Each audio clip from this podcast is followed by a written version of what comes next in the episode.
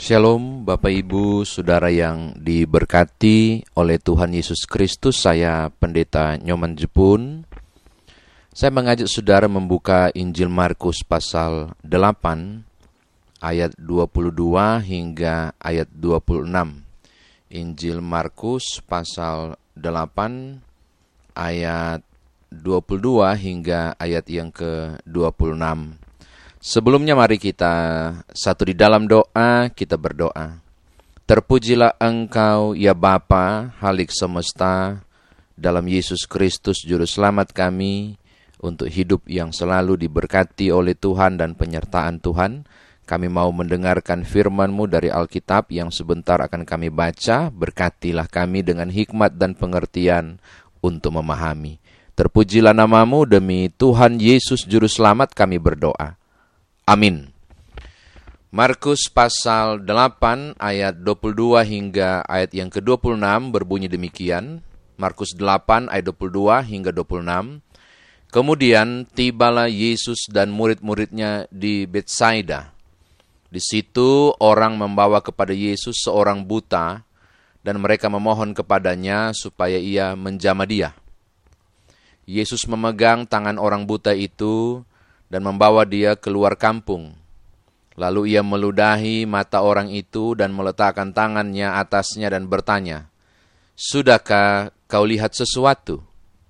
Orang itu memandang ke depan lalu berkata, Aku melihat orang, sebab melihat mereka berjalan-jalan, tetapi tampaknya seperti pohon-pohon. Yesus meletakkan lagi tangannya pada mata orang itu, maka orang itu sungguh-sungguh melihat dan telah sembuh, sehingga ia dapat melihat segala sesuatu dengan jelas. Sesudah itu, Yesus menyuruh dia pulang ke rumahnya dan berkata, "Jangan masuk ke kampung." Demikian firman Tuhan, saudara dan saya dikatakan berbahagia jika mendengarkan firman Tuhan ini merenungkannya, memberitakannya, dan melakukan dalam hidup beriman kita. Paling tidak ada tiga catatan Bapak Ibu Saudara dari bacaan Alkitab kita. Yang pertama ketika orang minta supaya orang buta yang sejak lahir ini dijama oleh Tuhan Yesus, yang dilakukan oleh Tuhan Yesus dia tidak langsung menjamanya atau melakukan proses penyembuhan. Tapi hal pertama yang dilakukan oleh Tuhan Yesus di ayat 23 adalah ia membawa dia keluar kampung. Ini menarik, membawa dia keluar kampung. Apa maksud dari membawa orang buta ini keluar kampung? Beberapa buku tafsir yang saya baca sebagian besar sepakat untuk mengatakan membawa dia keluar dari kampung berarti menarik dia dan mengisolasi dia supaya proses ini terjadi sangat privat antara Tuhan Yesus dan si buta ini menarik dia keluar dari kampung menunjuk tentang proses di mana hal ini tidak perlu dipertontonkan. Ini menarik ya. Dan Yesus ingin fokus mengerjakan tanggung jawabnya. Tidak perlu dipamerkan, tapi sebaliknya terjadi hubungan yang intens, sangat private antara si buta dan Tuhan Yesus. Dilakukannya berdua saja. Kira-kira seperti itu maknanya.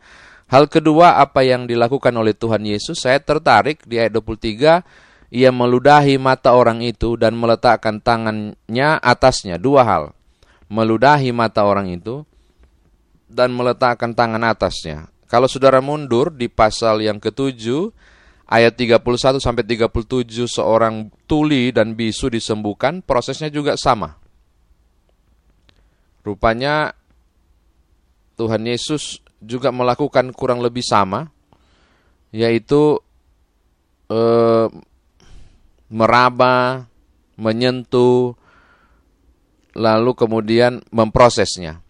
Kalau saudara melihat hal ini, kita menemukan hal menarik ya, bahwa eh, kalau saudara juga pernah mendengar kisah tentang orang buta disembuhkan da, di kolam Siloam, itu juga meludah. Itu juga meludah. Eh, Luda adalah tools yang dipakai oleh Tuhan Yesus, alat media yang dipakai oleh Tuhan Yesus. Lalu kemudian dia menyentuh dengan tangannya. Tidak mungkin yang dimaksud menyentuh meraba bagian mata yang sakit itu lalu memulihkannya. Hal kedua yang saya mau katakan adalah ada media. Beberapa kita menjumpai peristiwa penyembuhan yang dilakukan oleh Tuhan Yesus menggunakan media. Oke, okay? Menggunakan media, ada wadah yang dipakai. Ini catatan saya yang kedua. Yang ketiga, saya tertarik pada waktu proses pertama Tuhan Yesus bertanya, "Apakah engkau sudahkah kau lihat sesuatu?" Dia jawab, "Sudah." Saya melihat orang tapi samar-samar kayak pohon. Ternyata setelah disentuh kedua kali, dijamah lagi, baru dia lihat jelas. Saya mau katakan hal yang ketiga ini. Ternyata satu kali dijamah nggak langsung sembuh, Bapak Ibu. Nggak langsung sembuh.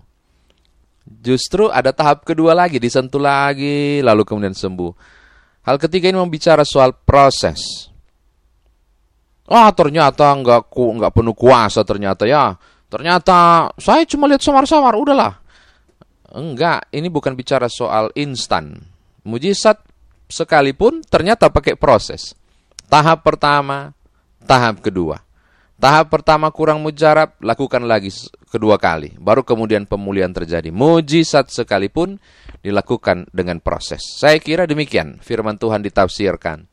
Nah sekarang bagaimana Bapak Ibu dan saya membawa firman Tuhan ini dalam kehidupan beriman kita. Di tengah kondisi apa pun yang saudara alami atau pernah alami atau nanti akan saudara alami, hal pertama yang saya mau katakan kepada saudara, perlu privasi saudara dengan Tuhan perlu ada. Oh, penting sekali. Saudara memiliki intimasi dengan Allahmu. Penting sekali saudara mengunci pintu. Menutup pintu kamar, lalu pribadi berjumpa dengan Allah. Intensitas terjadi ketika tidak ada gangguan. Maka ketika saudara membutuhkan rahmat Tuhan, saudara membutuhkan jamahan Tuhan, saya kira adalah tepat jika saudara melakukannya secara private. Masuklah ke dalam kamarmu, berdoalah dan memintalah Tuhan menjamamu. Saudara harus memiliki intimasi dengan Allah. Hubungan saudara harus dekat dengan dia. Saudara harus melakukannya bagaikan seorang anak kepada Bapa.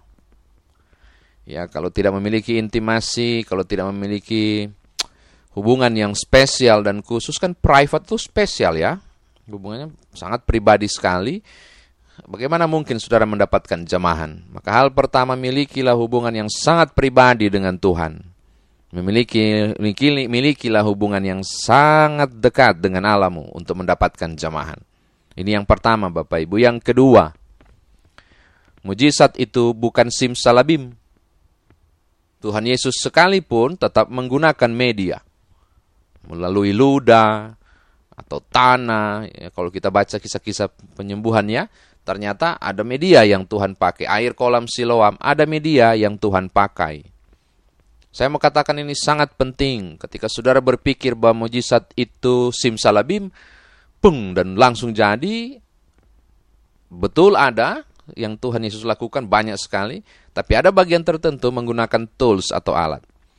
Alat dan atau itu disebut media atau wadah atau sarana. Tuhan memulihkan saudara, Tuhan menjamah saudara. Bisa saja melalui obat yang diresepkan oleh dokter. Bisa saja melalui meja operasi. Dan sangat bisa melalui bantuan-bantuan orang lain. Tuhan menggunakan sarana. Tuhan menggunakan media. Bisa jadi saudara yang dipakai menjadi media untuk pemulihan orang lain melalui uluran tanganmu kepada orang lain barangkali. Bisa saja saudara datang kemudian dan mendapatkan pertolongan melalui telinga orang lain yang mendengar keluhan saudara. Apa pun, saya mau katakan, perjumpaan dengan orang lain pun mungkin bisa jadi tidak kebetulan. Tuhan menggiring saudara, lalu kemudian mendapatkan itu.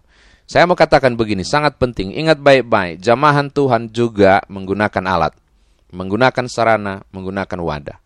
Bisa saja saudara membutuhkan orang lain. Atau saya mau katakan, bisa saja saudara yang mendengarkan siaran radio ini, renungan ini, saudara lah yang jadi alat Tuhan. Barangkali untuk melegakan orang lain, melepaskan seseorang dari penderitaan. Who knows? Tuhan bisa memakai saudara, atau Tuhan bisa memakai orang lain, atau wadah lain, untuk menyatakan kuasanya. Yang ketiga yang terakhir, Bapak Ibu, saya bilang tadi, mujizat itu tidak instan. Tidak selamanya instan. Ada juga proses dan tahapan. Ternyata ketika Tuhan Yesus menyentuh, yang pertama sambil meludah matanya nggak nggak benar-benar pulih, nggak benar-benar melihat ternyata, nggak langsung melihat Bapak Ibu. Saya tertarik mengatakan ini. Yesus sekalipun, sang tabib di atas segala tabib, Loh, belum juga. Oke, okay. oke ini yang kedua ya. Sudah sudah sudah melihat nggak? Sudah Tuhan, sudah. Wah, luar biasa. Saya mau katakan hal ketiga ini. Proses itu bertahap. Pemulihan itu bertahap. Jamahan itu bertahap.